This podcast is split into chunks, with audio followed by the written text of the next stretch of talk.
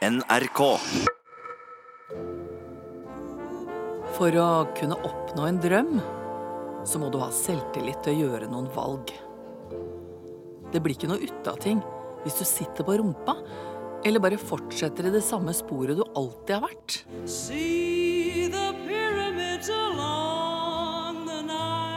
Jeg heter Kirsti Kraft, og jeg vil ta deg med til 1950- og 60-tallet. I en annen tid, men likevel med de samme livsvalgene som vi alle har. Når man tar en sjanse, så kan det gå begge veier. Kraft. Det måtte jo være for min del, uansett. Altså gjøre som du sjøl vil. Ja, altså som jeg sjøl vil, som, som, som passer for meg. Jorunn gjorde et valg på begynnelsen av 60-tallet. Og det som kjennetegner henne, er at hun er sjef i eget liv. Hun vet hva hun vil. Det har hun alltid gjort. Hun har aldri vært redd for å si fra om det. Hun har alltid visst hva hun er verdt, og gjemmer seg ikke bort.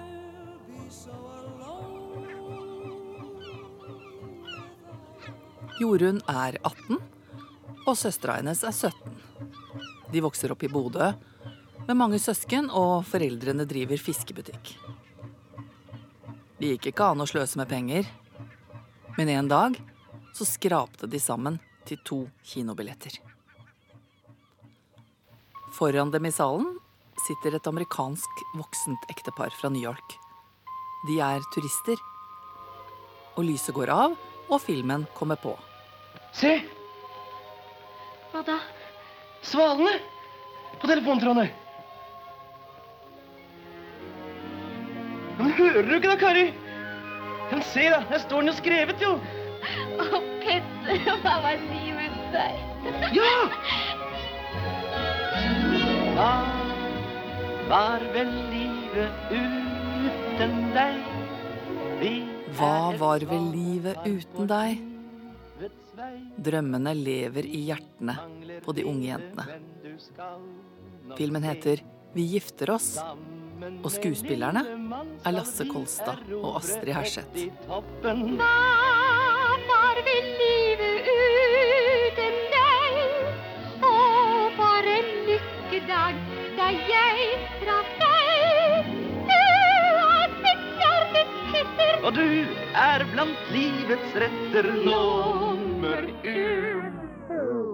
Så går strømmen. Alt blir mørkt. Og det amerikanske paret foran dem snur seg og spør hva er dette for noe?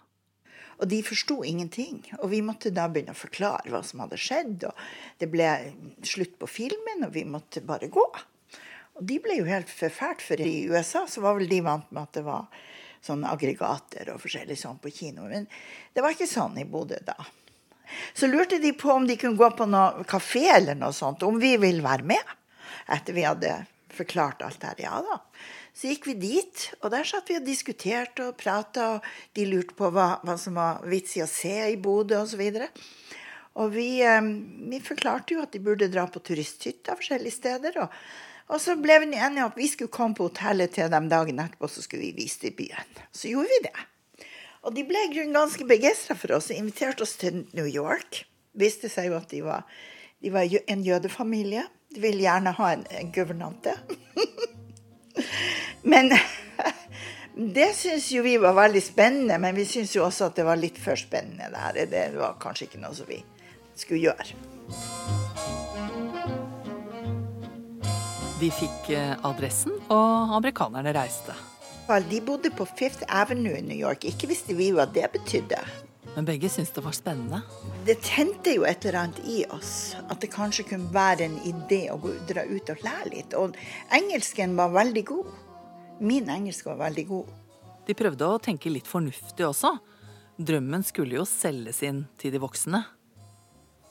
Jo, selvfølgelig, men det er jo en del av eventyret. Det er jo at det er spennende, at det kanskje kunne være noe å lære. og at det kanskje kunne være um, et eller annet som var annerledes. Klart du ser jo på film, vi så jo masse både om han Elvis Presley, og tenk å kunne få dra dit. Never know how much I love you. Han Kolbjørn var veldig interessert i meg, tror nok Kolbjørn hadde vist interesse for Jorunn. Han var en fin gutt, men Jorunn så det liksom ikke helt for seg. For han var veldig hyggelig. Og, eh, men jeg var ikke forelsket i han Kolbjørn. Jeg vil si han Kolbjørn han var genuin. Men vi hadde jo ikke noe formening om verken distanser eller noe som helst. De søkte på et jobbutvekslingsopplegg. Ble plassert i Nevada. De dro. De turte. De fulgte lysten inni seg. Og de så seg ikke tilbake. Selv om Kolbjørn sto og vinket på flyplassen. Nå skulle jentene ut i verden. De måtte overnatte i New York. The people, the customs, even the places. In this restless, bustling city that is New York. Fordi flyet videre til Nevada gikk ikke før dagen etter. Og de var ikke særlig forberedt. Og det var det jo at vi skulle gå i restauranten og ha oss litt mat. Så eh, lurte de jo på hvordan vi skulle Vi lurte på hvordan vi skulle betale for det her. For vi hadde jo bare norske penger. Vi var jo ikke var i grunnen ikke så veldig tenkende akkurat da når det gjaldt hva vi skulle gjort på forhånd. Så mannen i baren måtte ordne opp. Så det gikk fint. Men, men så, mens vi satt der og spiste, så var det en eller annen person som jobba i hotellet, som kom bort og lurte på om vi, eh, hvor vi kom ifra. Og skulle liksom forhøre seg. Du vet, vi kom ifra Bodø. Veldig eh, beskyttede Bodø. Meget eh, uinformert om hva som skjer i utlandet. Og jentene trodde at det var sånn det var ute i verden? Han satte seg nå ned og prata med oss, og så, og så lurte han på om vi hadde lyst til å kjøre på en tur. Og vi ja da, selvfølgelig. Trøtt var vi, og sovna i bilen gjorde vi. Og vi satt jo, søstera mi satt jo og pekka i meg og sa du, må du holde deg våken, for nå må jeg, nå sovner jeg. Så, sånn holdt vi på. Men det gikk jo veldig fint. Han kjørte oss til Manhattan og viste oss rundt og tilbake, og det var ingenting, ikke noe problem. Og hadde mor hjemme i Bodø visst dette, så hadde hun nok sagt at lykken var bedre enn forstanden. Og så neste dag reiste vi til Reno, Nevada. Og ble hentet av de som vi skulle bo hos og jobbe for. Det var en indremedisiner og en lege som jeg skulle jobbe på kontoret. Og min søster skulle være hjemme og ta vare på barna og huset og sånn.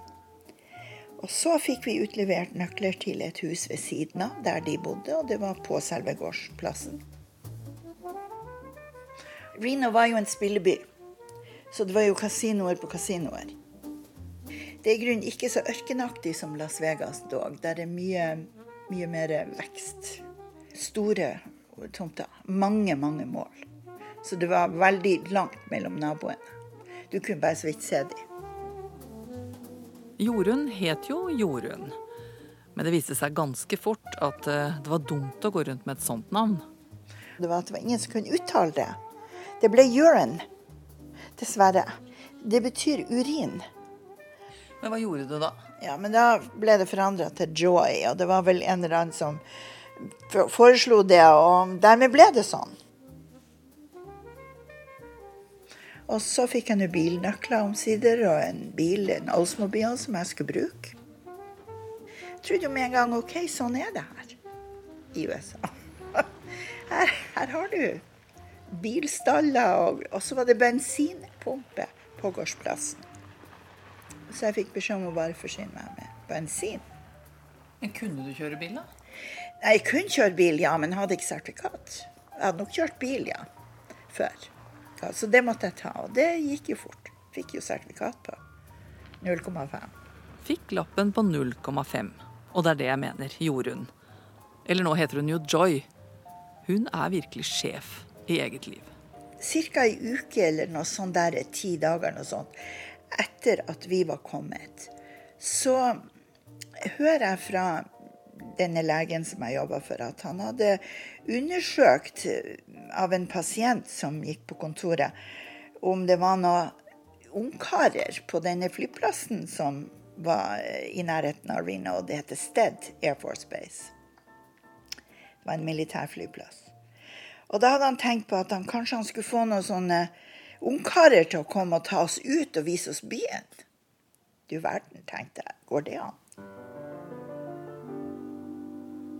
soldier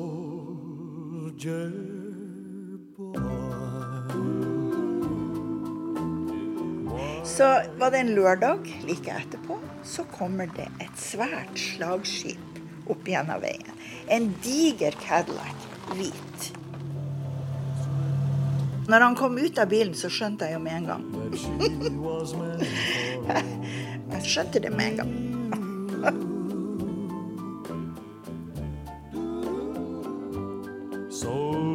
Vel, og vi dro til en plass som heter Carson City.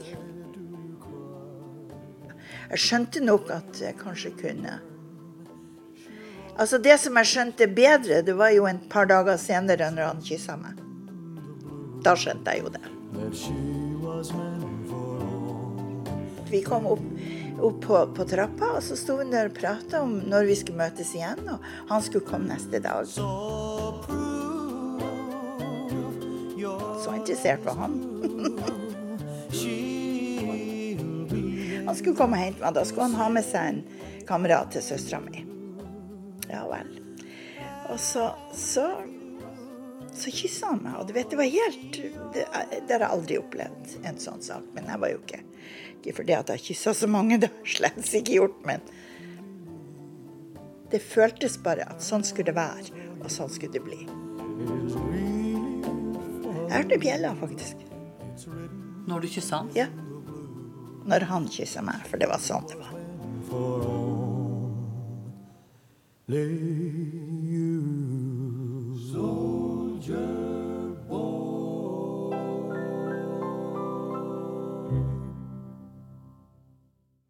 Så ringer Joruns mor fra Norge, fra Bodø. Og det var ikke ofte man ringte på den tiden, men hun minner Jorunn på noe hun ikke har tenkt på den siste tiden. Min mor sa jo til meg du, han Kolbjørn, han må du jo gjøre noe med. Han kan jo ikke gå her bare på gress og vente til du kommer tilbake. Nei, så sa jeg, det har du nå rett i. Nei, jeg vet ikke om jeg kommer tilbake, så er det ikke sikkert. Det ble stille i den andre enden av telefonen. Og hun innså at hun måtte ordne opp med Kolbjørn. Hun måtte snakke med han.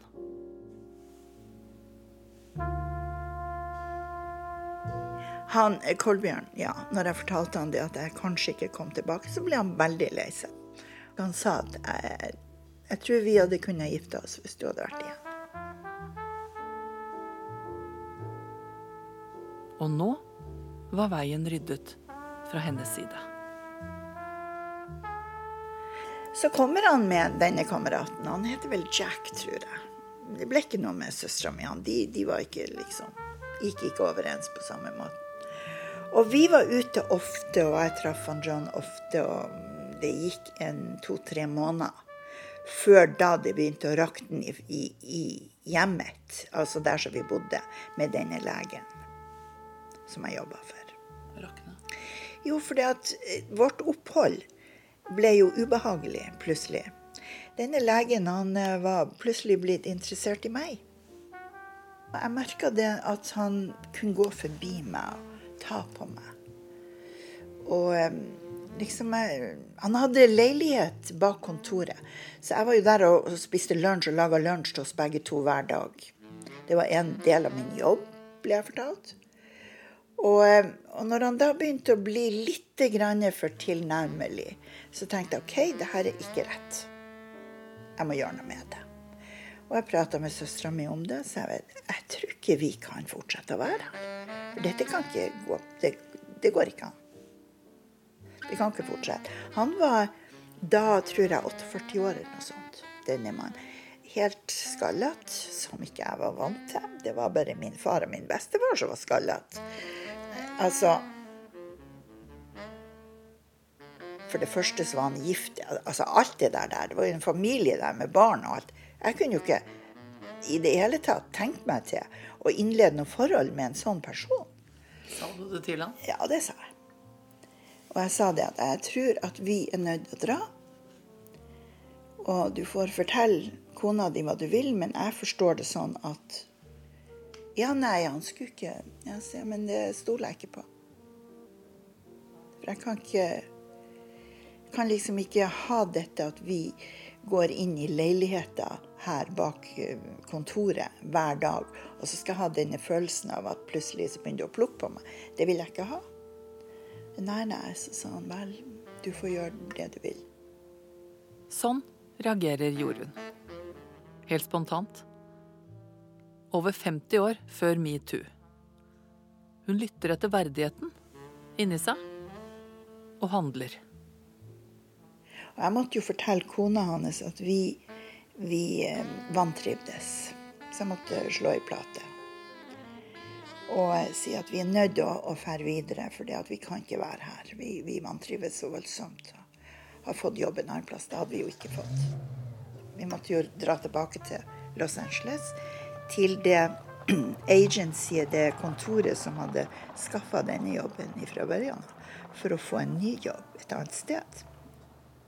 Du vet, Det ble jo mer og mer klart for meg at vi var bare nødt til å fylle den tida vi hadde igjen, med sånn forskjellig, og så kanskje dra tilbake til Reno, tenkte nå jeg. For da var jeg begynt å føle at nei, ikke lyst til å reise hjem. Så det som skjedde, det var det at jeg reiste tilbake til Reno til John etter noen måneder.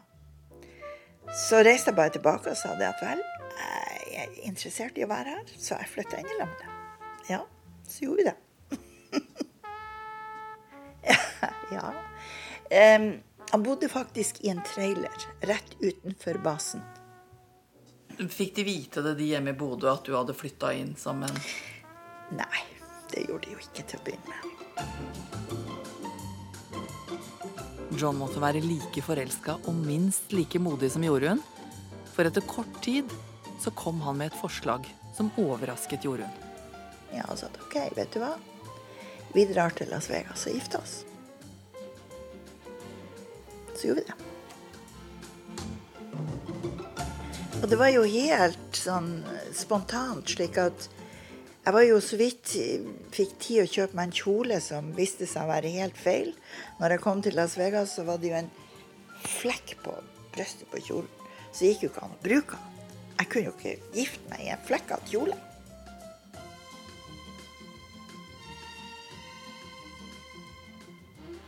Og Jorunn måtte låne kjole av forloveren Ragnhild, som hadde blitt med. Hun hadde tilfeldigvis rasket med seg to kjoler i bagen. En sort og en annen som passet til Jorunn. Så den ble min brudekjole. Og den sorte kjolen ble hennes forloverkjole. Og så var det jo det at um, Det var jo midt på natten. Det var klokken tolv.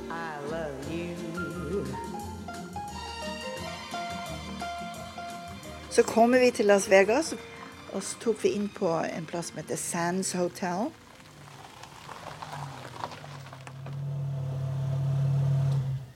Og det var et av de store hotellene. Og fikk tak i dette marriage license-saken og fikk greie på hvor The Little Chapel Around the Corner var, for det heter det. Og der gikk vi. Jeg måtte jo kjøpe meg en brudebukett. Det hadde de der. Og så eh, Kjolen til Ragnhild hadde jeg jo fått på meg. Vi hadde liksom fått det til, det her.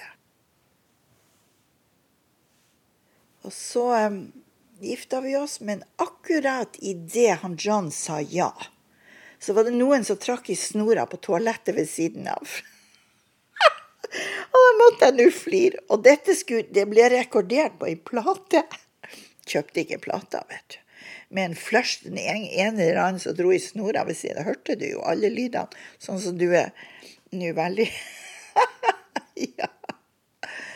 Så det gidder vi ikke. Vi hørte på plata, men nei, det ødela hele saken. Så vi fikk noen bilder og noen greier, og det var nå det. Kjørte vi til Texas. Kjørte vi i det her svære skroget som han hadde av en bil, som var en Cadillac. Here's a happy tune. A happy tune. You'll love to croon. You love to croon. They call it Dean's song. Hey, you don't seem to understand. Catchy as can be. I must agree. The melody. The melody. They call it Dean's song. Looks like I'm gonna have to explain this thing. You don't dig this scene. I'm saying Dean. The song is Sam's song. Og der, i Texas, startet de et liv sammen. Flyttet ut av traileren og inn i et hus. Fikk tre barn og levde som en lykkelig sørstatsfamilie. They call it Dean Song. And that's quite a group you got going for you. There's no bigger choir that you could hire.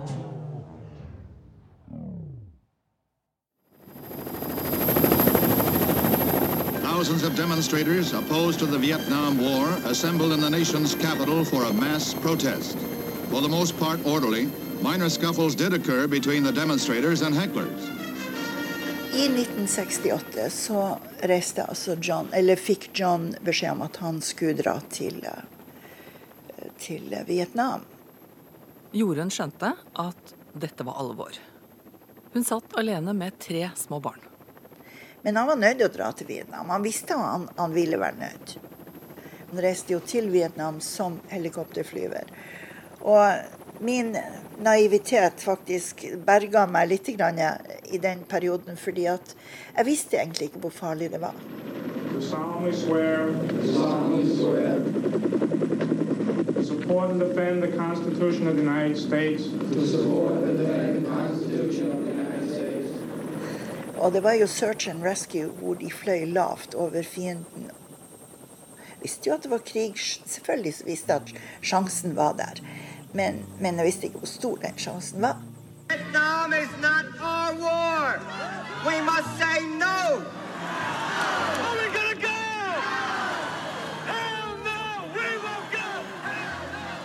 Det var en veldig dum krig. Og det var, og det var fordi at militæret ikke fikk gjøre jobben sin sånn som de skulle. Skulle de være med på noe sånt, så burde det ha vært kjapt. Det burde ikke ha vært sånn.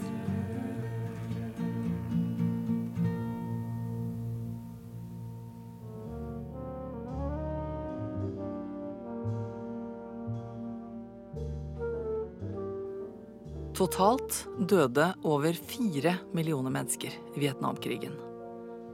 Og nesten 60 000 unge amerikanske menn kom aldri tilbake igjen. Og av de som kom tilbake, var det over 300 000 som var stygt skadet.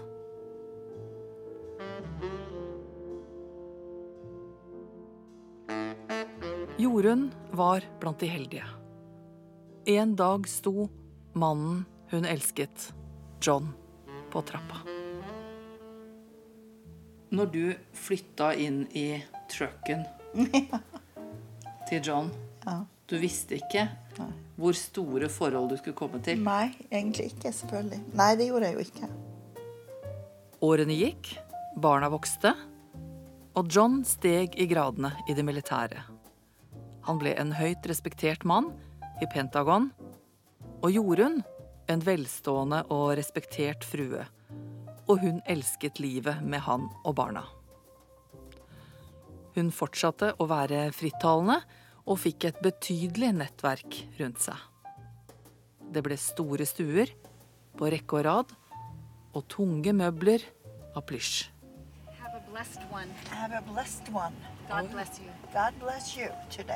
Han skjønte hva vi skulle. Over 40 år etter at John fløy over Vietnam, er vi nå på vei inn eh, med bil til Arlington æreskirkegård. Amerikanerne fornekter seg ikke. Her er det lov å kjøre i små gater helt inn til gravene. Eh, Vi har spesielt, spesielt eh, pass for å komme inn her, i og med det at vi har noen som er I'm begravd. coming, I'm coming, I'm coming. But I'm supposed to go slow. Don't, don't I want to go? Where's the No, building? not yet. We can do that on the way back. Jorunn har fått eh, datteren sin til å kjøre oss inn hit. Og hun forteller om den storslagne seremonien de nylig har overvært. Det fløy helikoptre i formasjon rett over gravseremonien, som skulle symbolisere den døde soldaten. Altså John. Hvor sto vi? Vi sto faktisk her. Ja. Da sto vi litt lenger bort, og så så vi opp i luften her. Da fikk vi, det var med en gang vi ankom dette stedet. Vi kom i limousiner og busser. Foran oss så gikk det hester med kista på en eh, keisan, så det heter det. En, en slags sledesak. Og eh, pluss ridende militære. Og det var helt fantastisk. Og, eh, så ble vi fortalt at vi skulle komme hit og stå på en spesiell plass og se den veien. Så gikk det ikke veldig lang tid, for plutselig så hørte vi rotorene til helikoptrene. Plutselig så kom de over trærne der. Og så når de var kommet rett over oss, så for én til side og forsvant. Og den andre fortsatt. Men plutselig den som forsvant, han kom tilbake. Og så sto han i luften her. Det var helt fantastisk. Helt fantastisk. Så det var, det var fly fra hans skvadron, som han var en gang tilslutta.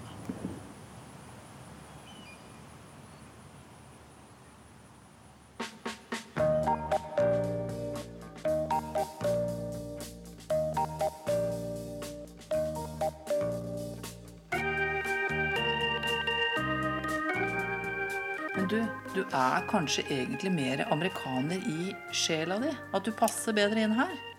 Altså Men jo, kanskje. Det er mulig at det var det som gjorde at vi dro in the first place. At liksom vi fikk den styrken til å dra. Og det har blitt styrken min at jeg var nødt til å tenke for meg sjøl. At jeg var nødt til å bygge mitt eget liv. At jeg var nødt til å bestemme og klarere å gjøre de tingene som uansett. Altså gjøre som du sjøl vil? Ja. Altså som jeg sjøl vil, som, jeg- som, som passer for meg.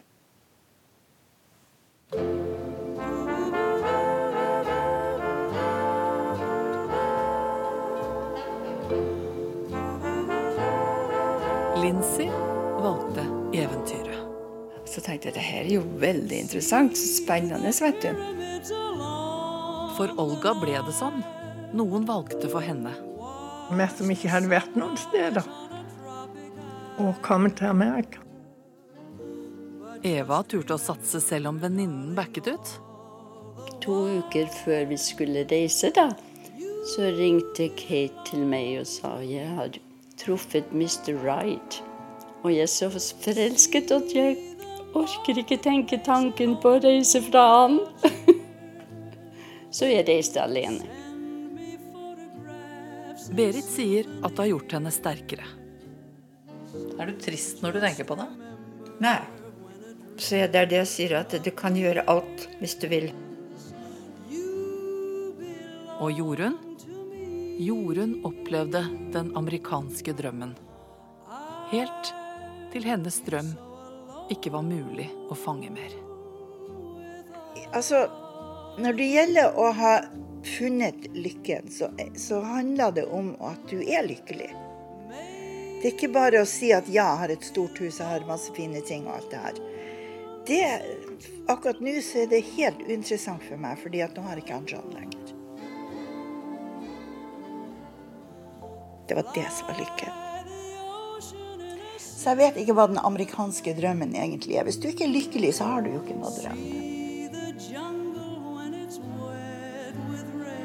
Hva drømmer du om? Hva vil du gjøre ut av livet ditt? Har du sluttet å drømme? Eller har du aldri begynt? Man har aldri noe garanti hvis man følger en drøm. At det blir sånn som man har ønsket seg.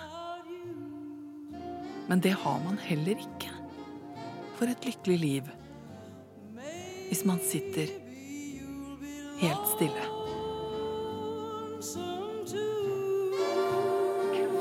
Kraft. Dette var den siste episoden i serien Den amerikanske drømmen, som lages av lyddesigner Merete Antonsen, researchere Åse Lundan og Sindre Næss, konsulenter Hege Dahl og Ingrid Skåre. Og mitt navn er Kirsti Kraft. Og Kraft er tilbake neste uke.